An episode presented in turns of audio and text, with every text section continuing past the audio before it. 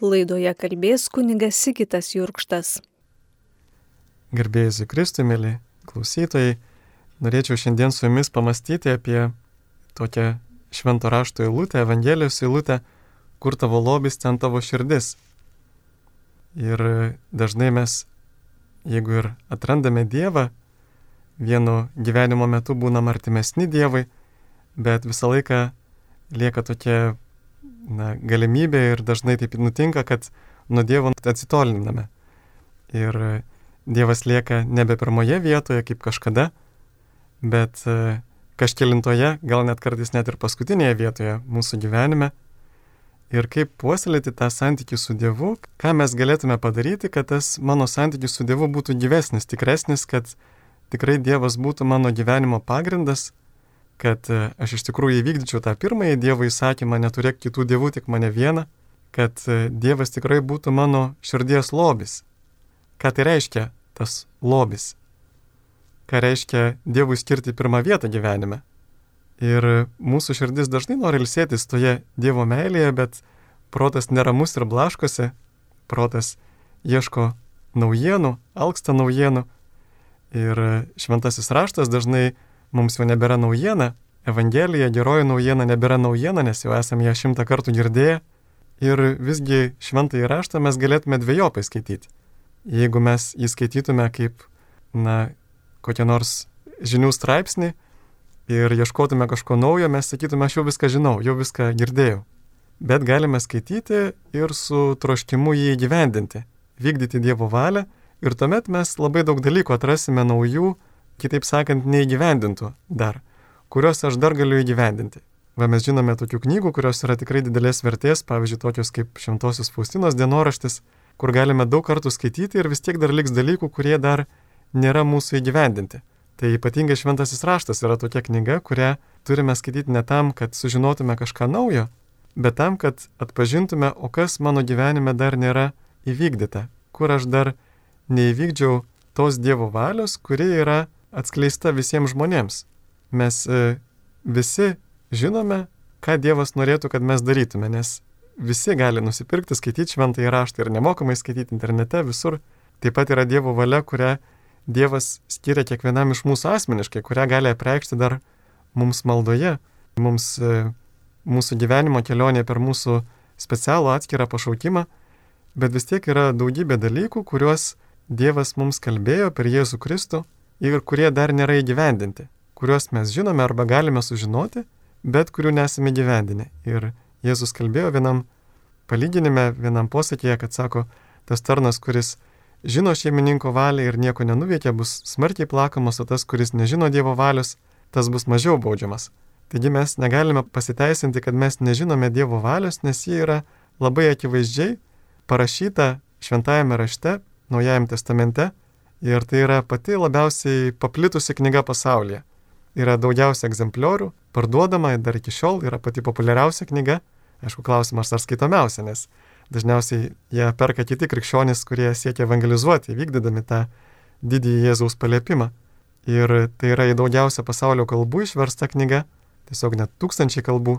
Ir kita vertus, ar mes tikrai tą kalbą branginame, ar ją skaitome, ar ją tiesiog va kažkada gyvenime perskaitome ir sakom, kad dabar jau viską žinome ir mums ten nieko nebereikia skaityti, to labiau, kad ji tikrai nėra mūsų širdies lobis.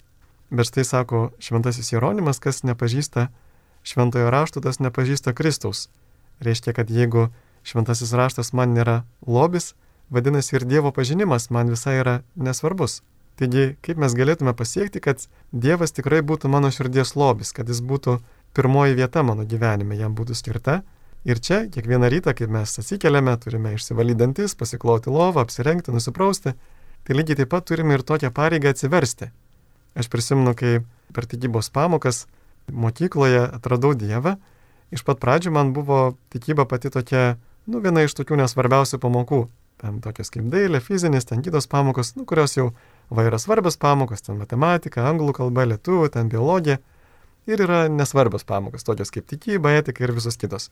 Ir paskui, bebūnant tose pamokose, kažkaip Dievas mane palėtė, užkabino, pasidarė labai įdomu, o kaip Dievas galėtų padėti man nugalėti savo baimės ir atradau tą, kad štai tobula meilė išvėja baime ir kad ta bendrystė atsirado su tai žmonėm, kurie lanko tikybą, va kažkas labai nuostabaus ir įdomaus, kad kai mes susirenkam kartu Dievo vardu, tuomet tarp mūsų atsiranda kažkoks tai meilės ryšys, kažkoks dvasinis ryšys, kurio niekada nepatirdavau su kitais žmonėmis, kada susitikdavome mes su klasiokais.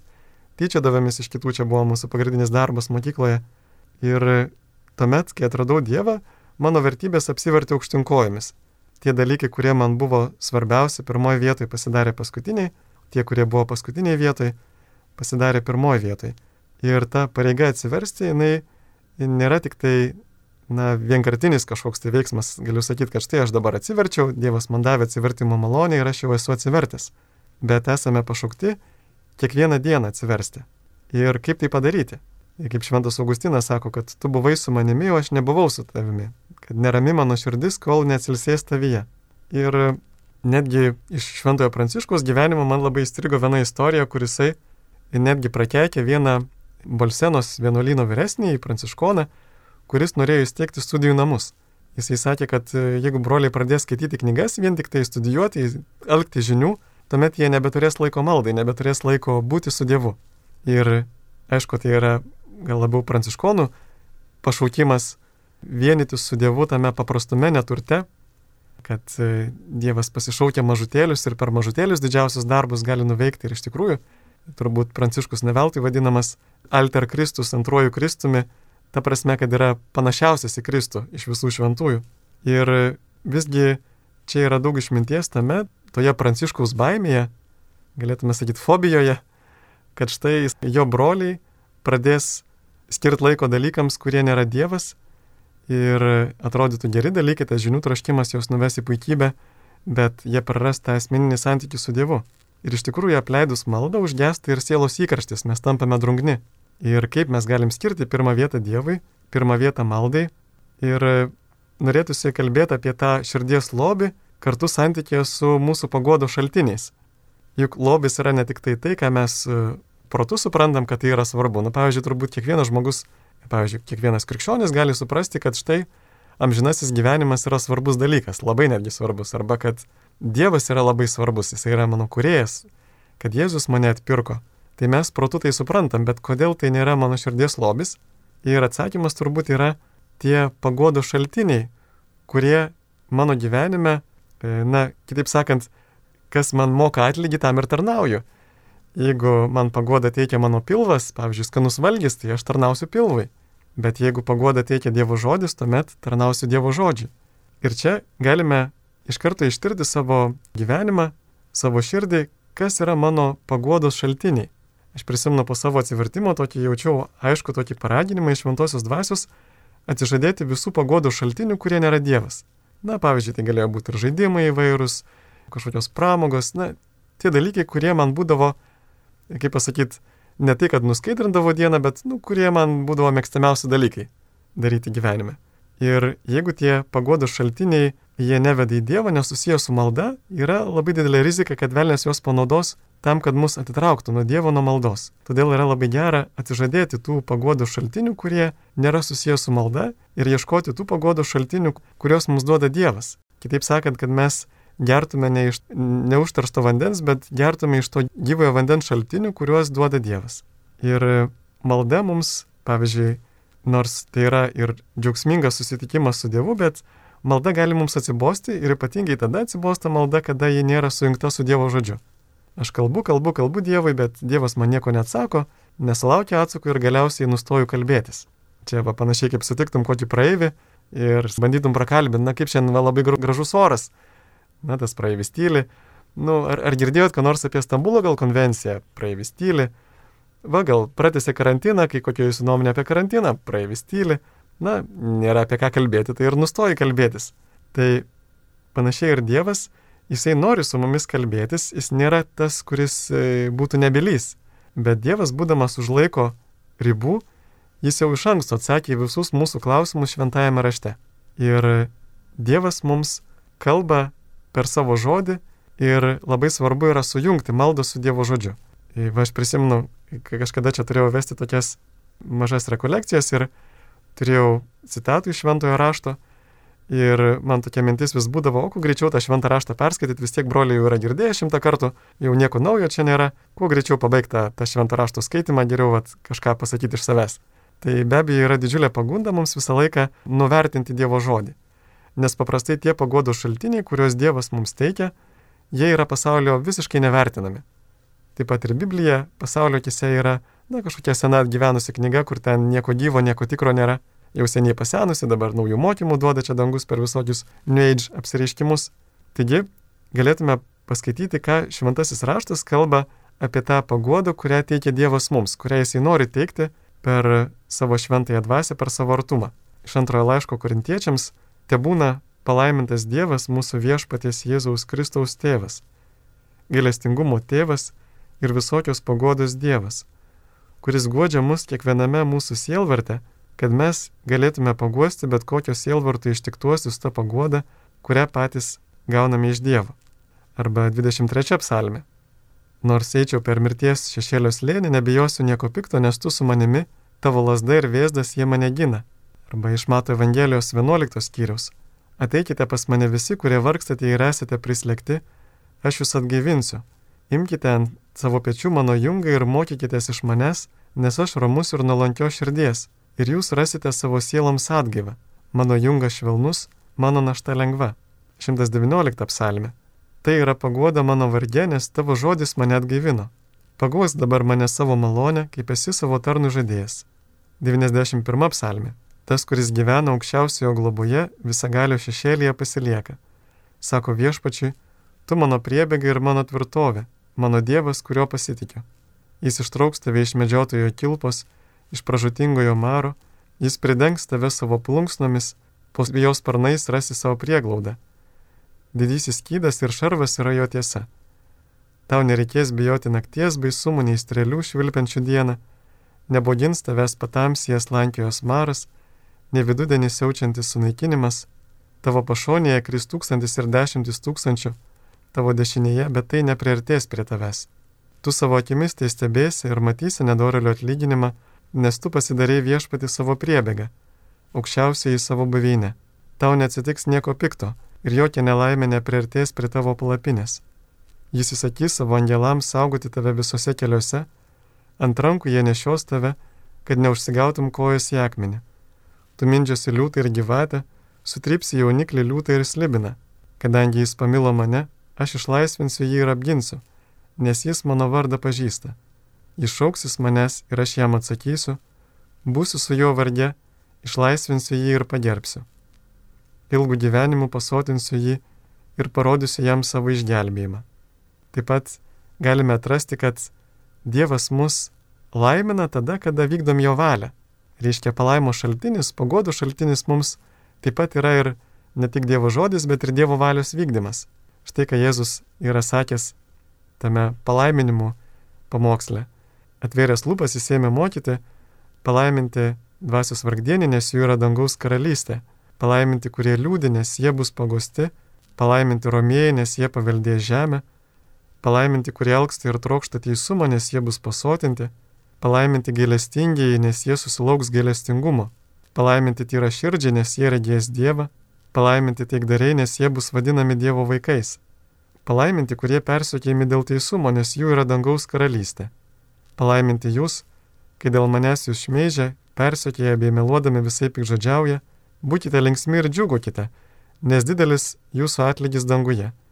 Juk lygiai taip persiekėjo ir iki jūsų buvusius pranašus. Jūs esate žemės druska. Jei druska netenka surumo, kodėl ją reikėtų pasūdyti? Ji niekam netinka ir belieka ją išberti žmonėms. Taigi Dievas mums duoda savo žodį tam, kad galėtume pažinti ir įvykdyti jo valią. Ir jeigu mes to žodžio neskaitome arba jo nebranginame arba jo valios nesiekiam vykdyti, mes tampam panašus į tuos krikščionis, kurie yra tarsi druska praradusi surumo. Labai dažnai galim girdėti ir šiandien tomis aktualiomis temomis, pasisakant krikščionis, kurių pozicija yra visiškai neplaukia nei iš šventojo rašto, nei iš bažnyčios mokymo, o tiesiog yra bandymas patikti ir vieniems, ir kitiems. Čia toks anegdotas apie vieną babutę, kuri pastebėjo vienas kunigas, kad jinai štai, kada yra malda Dievui, jinai lenkėsi Dievui, O paskui žiūriu, kad jinai kartu ir velnę garbina. Tai sako, mačiute, tai kaip čia dabar yra, kad tu ir Dievą ir velnę garbini. Nu, sako, oi, sako, kunigėlė, nežinai, pas kurį papulsi. Reikia ir vienam, ir kitam patikti. Tai kartais tikrai labai liūdna matyti netgi ir šiandienos krikščionius politikus, kurie nori patikti ir vieniems, ir kitiems.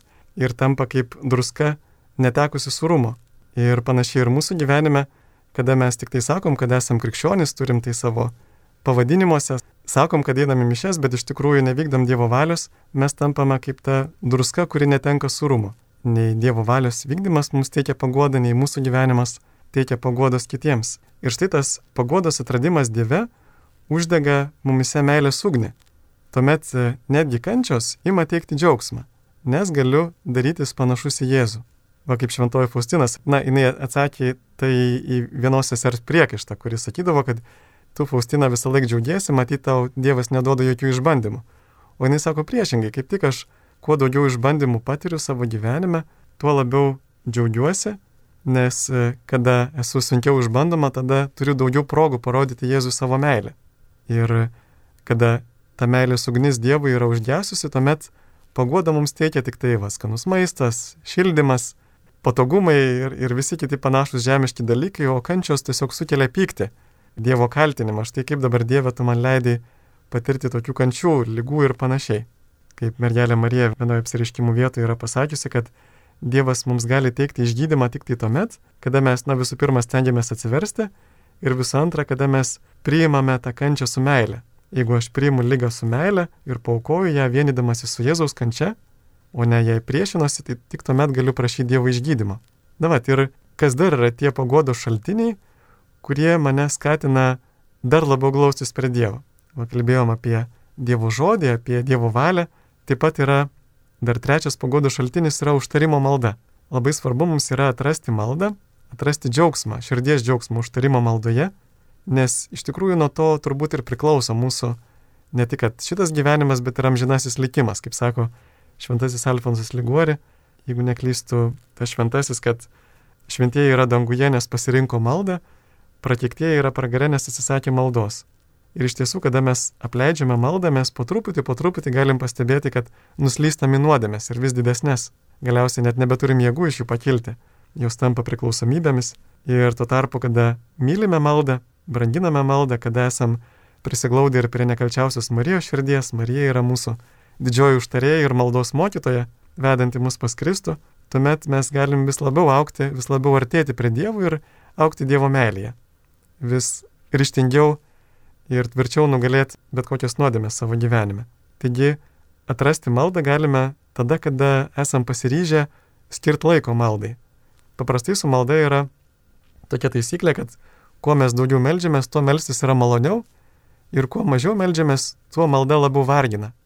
Va jeigu pastebėtume, pavyzdžiui, kai tenka per kokius nors renginius, va, užtarti kitus. Ir labai dažnai tie užtarėjai liudija, kad sako, aš niekiek nepavargau, dar net pasikrovau, kad štai džiaugiuosi, kad galiu patarnauti Dievui ir melsius už kitus. Ir nors ilgai melžiausi, bet manęs tai niekiek neišvargino.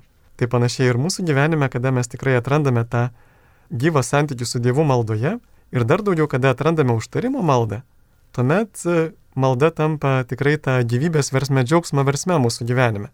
Tampa būdu prisipildyti Dievo meilės, kiek tik tai norime ir kada tik norime na, jeigu atrandame maldą, tuomet mūsų maldai nėra ribų, nes e, melžiamės už kitus ir kasdien sutinkame daug žmonių, kuriems reikia maldos, reikia užtarimo ir ta užtarimo malda kartu sukuria ir, ir dvasinį ryšį, su tai žmonėmis padeda juos labiau mylėti, padeda patirti, kaip Dievas juos myli per mane, padeda e, būti tuo Dievo meilės laidininku. Mes, kada melžiamės už kitą žmogų, mes vienu metu įvykdome abu du didžiuosius įsakymus Dievo. Tai ir mylime Dievą ir kartu mylime artimą. Tada, kada melžiamės už kitą. Ne, ne veltui popiežius Pranciškus yra rašęs viename iš savo tų naujų dokumentų, kad e, yra gera, kai mes pripildome maldą veidų ir vardų.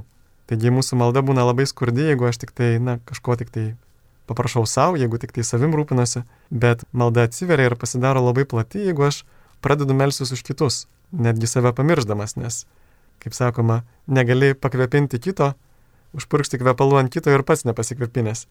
Tai panašiai ir mes negalime perduoti kitam Dievo malonės išprašytos, užtarti maldoje ir patys neprisipildyti tos Dievo malonės.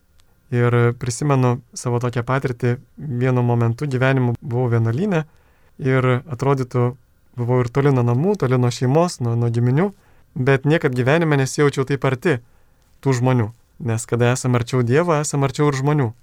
Ir žmonės yra ištroškę ne tik tai iš mūsų tokio išorinio mandagumo, bet visų pirma ištroškę to tikro gerumo.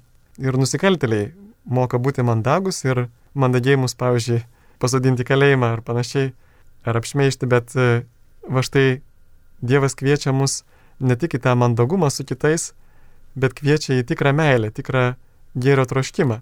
Ir čia tai jau ateina ne iš mūsų, bet iš maldos, iš Dievo.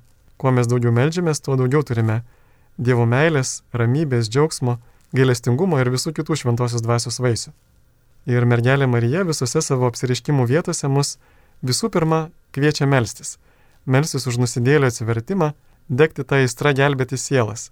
Nes e, tai galėtų būti mūsų ir na, didžiulis akstinas, motivacija melstis už kitus, nes mergelė Marija mums atskleidžia, kad yra daug sielų, kurios pražūna, kurios žengia į pragarą savo norų, nepaisant Jėzaus kandžios, skaudžios kančios už juos, ir kad mes savo maldą užtarimu, netgi aukodami savo kančią, lygas už tas sielas, mes galime padėti Dievui ir mergelė Marija jas išgelbėti. Taigi Kaip yra nuostabu, kad štai mes palyginti nedidelėmis sąnaudomis, nedideliais darbais, va būtent malda, kada mes aukojame Dievui savo laiką nuoširdžiai, mes galime būti tarsi tais Dievo malonės tarpininkais, toms sieloms, kurios be mūsų maldos galbūt pražūtam žinai. Ir kiek mes džiaugsmo turėsim amžinybėje, jeigu matysim, kad štai dėl mūsų maldos buvo išgelbėta ta ar kita siela, o gal ir daugiau sielų. Ir visgi mūsų protui dažnai na, neužtenka tos maldos melsis už kitus, vis norisi dar kažko, norisi kažko naujo sužinoti, kažkokių tai naujienų. Ir čia va, popiežius Pranciškus kaip tik ragina mus e, Dievo žodį nešiotis panašiai kaip nešiojamas mobilų telefoną. Ir taip pat dažnai skaityti Dievo žodį, kaip, kaip e, žiūrim, pavyzdžiui, žinutės per Facebook arba, arba elektroniniam pašte. Taigi tas proto alkis yra geras ir teisingas, bet iš tikrųjų protas alksta Dievo žodžio, jisai alksta Dievo valios, alksta Dievo pažinimo. Ir mes jį užkemšam dažnai visai tokiu, na, antrarūšių maistu, visokiamis naujienomis, kurios net neša jokios gyvybės, jokio gėrio į mūsų gyvenimą. Taigi maitinkim savo protą gerų maistų, iš tikrųjų protas blaškosi, kol nėra pamaitintas. Ir malda ir išsiblaškiusi to žmogaus, kuris nepamaitina savo proto Dievo žodžiu. Kada protas yra pamaitintas, jis yra ramus, ir mums netrukdo melstis, netrukdo tiesiog pasilikti Dievo meilėje, netgi kontempliuoti Dievą. Viena prisimenu sesutę vienuolę, nebeprisimenu jos vardo iš Betlėjus seserų yra taip gražiai pasakiusi, kad meilė ir pažinimas turi aukti kartu. Meilė ir Dievo pažinimas, meilė ir tiesa. Panašiai kaip negali būti viena koja trumpesnė, kita ilgesnė, tai panašiai ir mes negalime paukti Dievo meilėje, nepaugę Dievo pažinimu. Ir čia irgi dar vienas būdas ieškoti Dievo valios tai yra išmokti mąstyti. Dar vienas mūsų pagodų šaltinis, kada mes galime atrasti tiesą. Džiaugtis, kad štai atrandame Dievo valią savo gyvenime.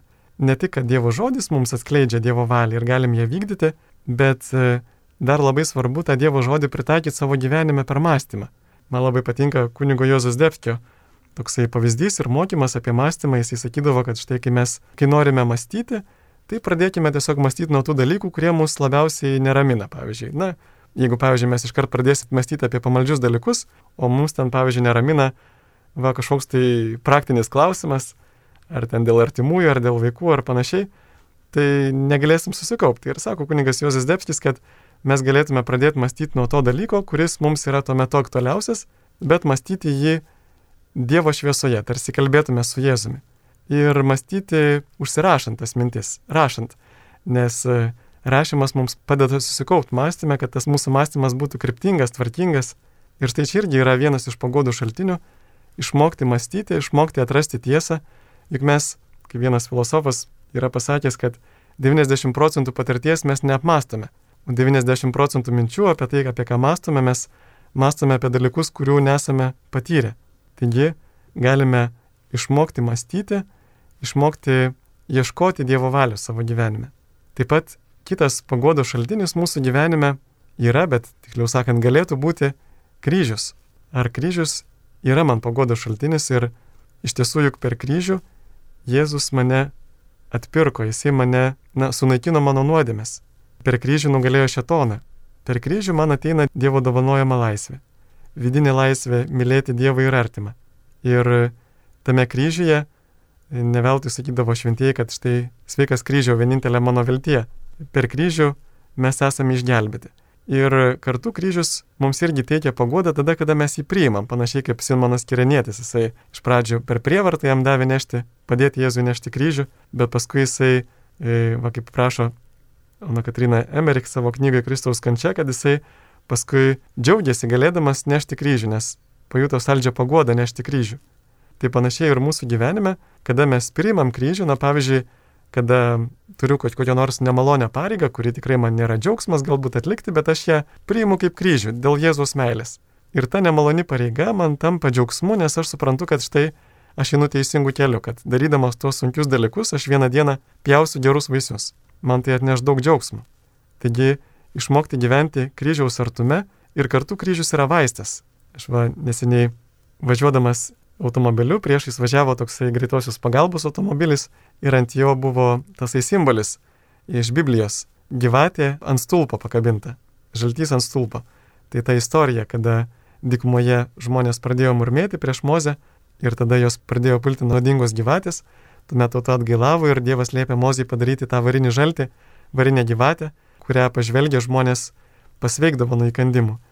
Tai panašiai ir kryžius jisai mus išgydo nuo piktosios dvasios įkandimų, nuo netleidimo, nuo, nuo visokių gismų, nuo visokių pykčių. Ir kartu kryžius padeda vėl atrasti paguodą dieviškose dalykuose.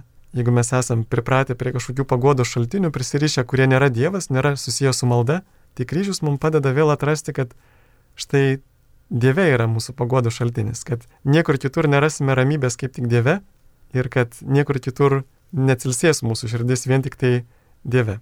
Taip pat Dievas duoda mums irgi didžiulį pagodą šaltinį mergelę Mariją.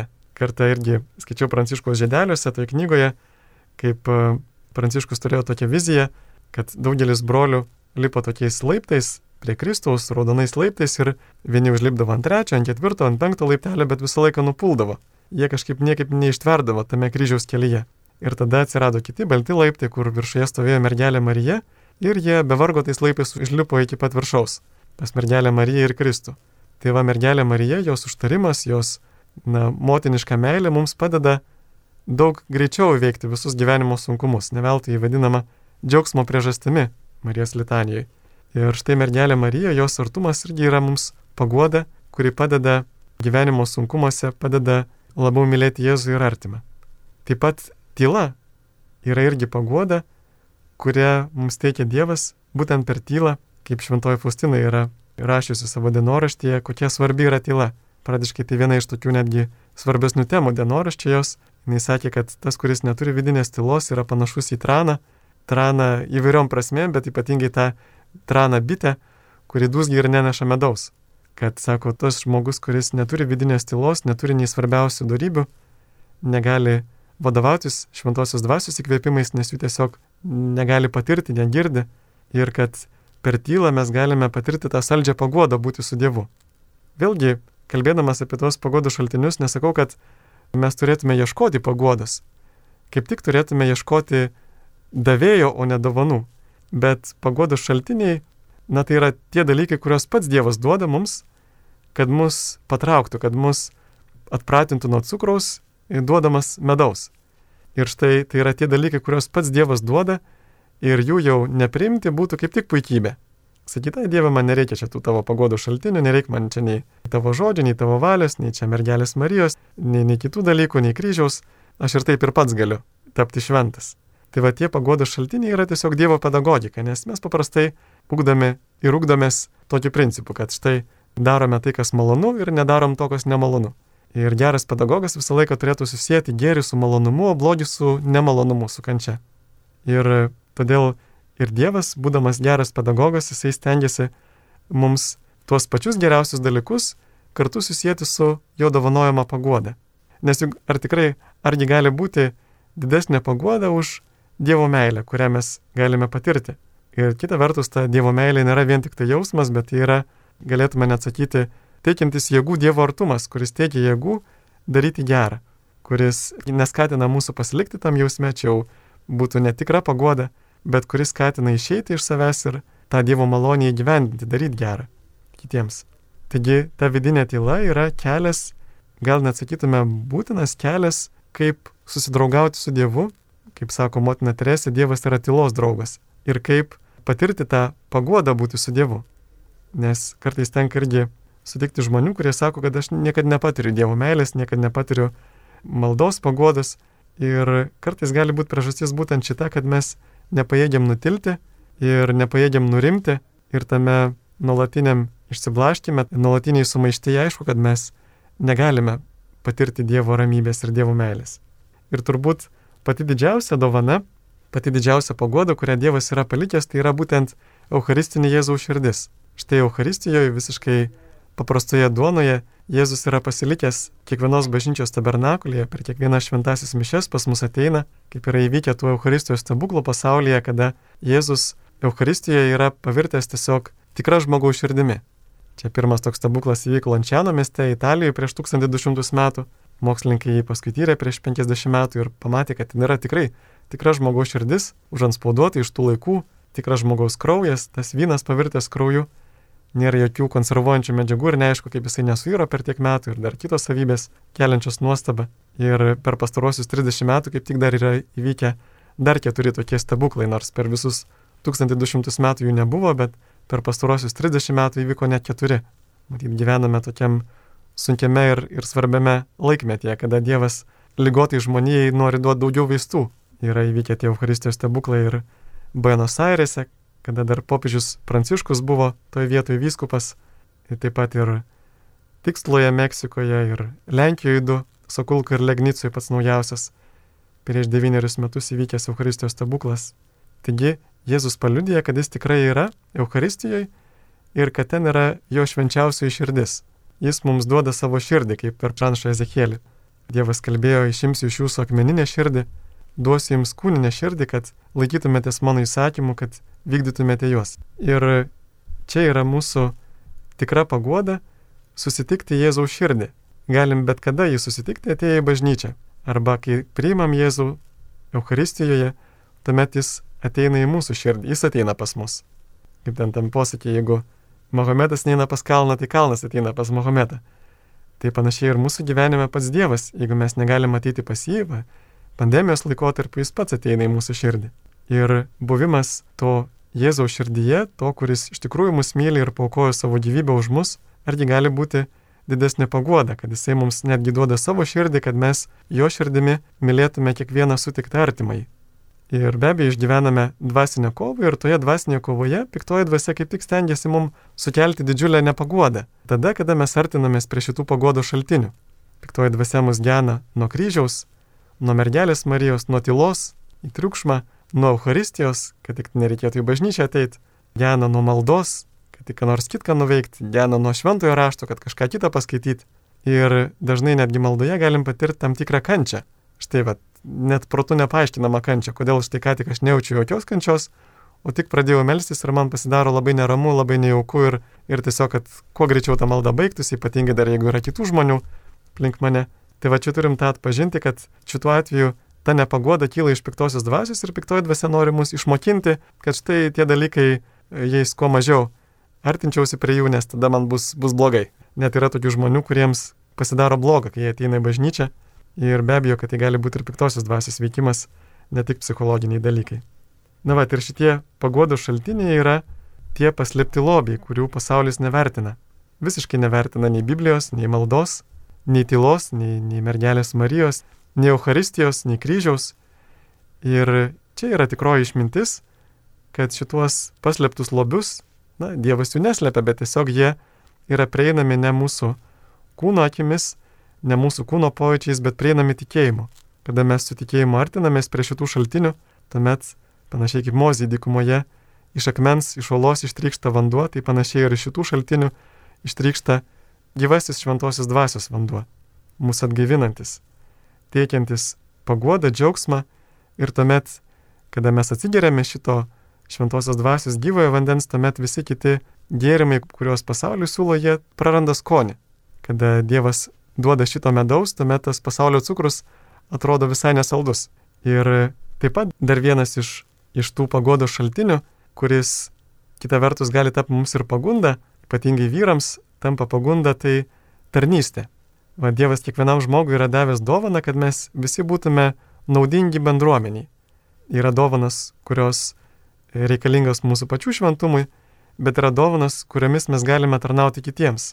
Ir tos dovanos yra įvairiausios. Ir ne tik ir pranašystė, ir vadovavimas, ir gydimo dovana, ir, ir administravimas, ir tarnavimas, ir gėlestingumo darbai, ir šelpimas, ir paraginimas. Ir va kaip Senajame testamente Bezaleliui Dievas davė netgi įgūdžių įrengti Dievo namus. Taigi yra įvairiausių dovanų, kurias Dievas duoda ir labai svarbu jų neužkasti kaip tų talentų, bet jas atrasti.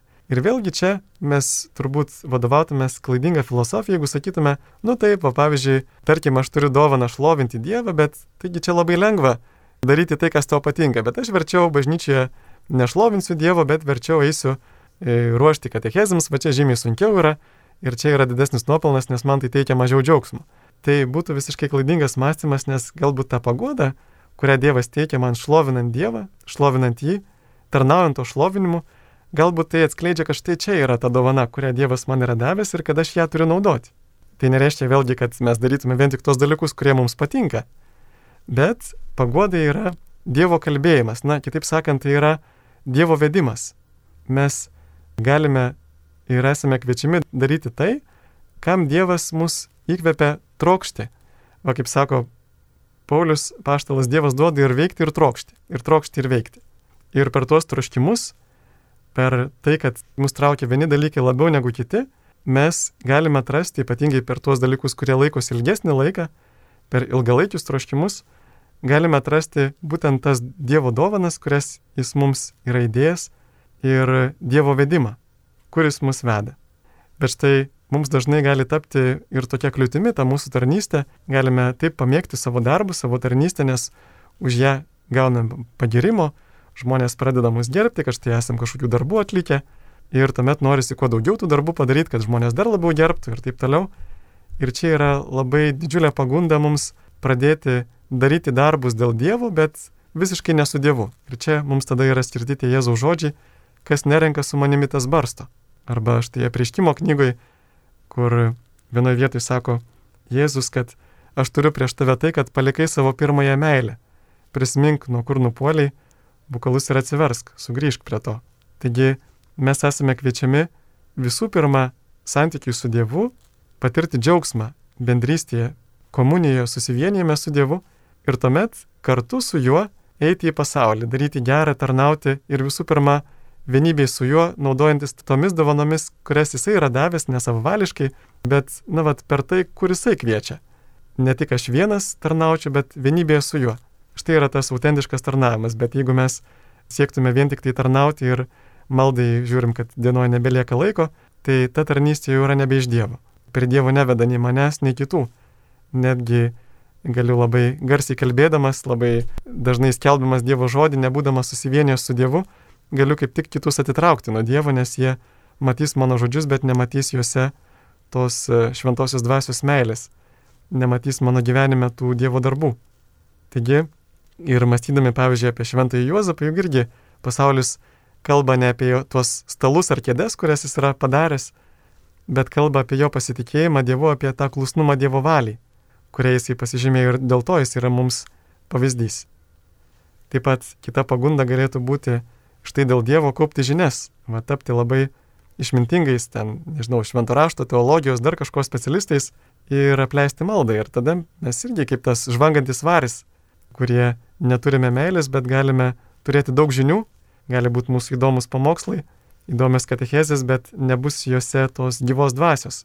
Ir tuo tarpu pačiu Dievo žodžiu mes, na, nelabai galim ir pasigirti, jeigu jis yra pasaulio paniekintas visi turi Biblijas, bet niekas jų nevertina, niekas jų neskaito. Na gal net neatsakyčiau, kad niekas, bet bent jau didelė dalis žmonių. Ir todėl va to žinios, kurias, pavyzdžiui, mes gauname iš Dievo žodžio, iš šventojo rašto, jo gyvendami, tai yra tikras mūsų lobis ir tuo negalime pasigirti, nes tai nėra kažkas naujo, visi yra tą girdėję, tuos dalykus. bet tai yra tikroji išmintis, per kurią ir mes galim būti išgelbėti ir kitiems tarnauti tame, kad jie būtų išgelbėti. Taigi galim šiandien dar kartą prisiminti štai tuos pagodos šaltinius, kuriuos Dievas mums dovanoja, tas gyvojo vandens versmes ir aš išskyriau jų septynis, bet aišku, jų yra ir daugiau, bet tas Dievo žodis, per kurį Dievas mums atsako, jau iš anksto atsakė į mūsų maldas, Dievo valia ir mąstymas apie Dievo valią, kuri mums teikia džiaugsmą tarnauti ten, kur Dievas mus paskyrė, ne savavališkai, bet būtent panaudojant jo duotas dovanas. Taip pat e, kryžius, per kurį mūsų nuodėmės yra sunaikinamos, per kurį mes esame išlaisvinami mylėti kitus ir Dievą. Mergelė Marija kaip mūsų motina, užtarėja ir maldos mokytoja. Tyla, kurioje mes galim patirti Dievą, susitikti su juo, įsiklausyti šventąją dvasį, jos įkvėpimus, galiausia Eucharistinė Jėzaus širdis, pas kurią mes galim ateiti ir dėl kurios mes galim visą laiką atsigręžti į Dievą, galim bendrauti su Dievu, kuris yra čia ir dabar, kuris ateina į mano gyvenimą, į mano kūną, mano kasdienybę.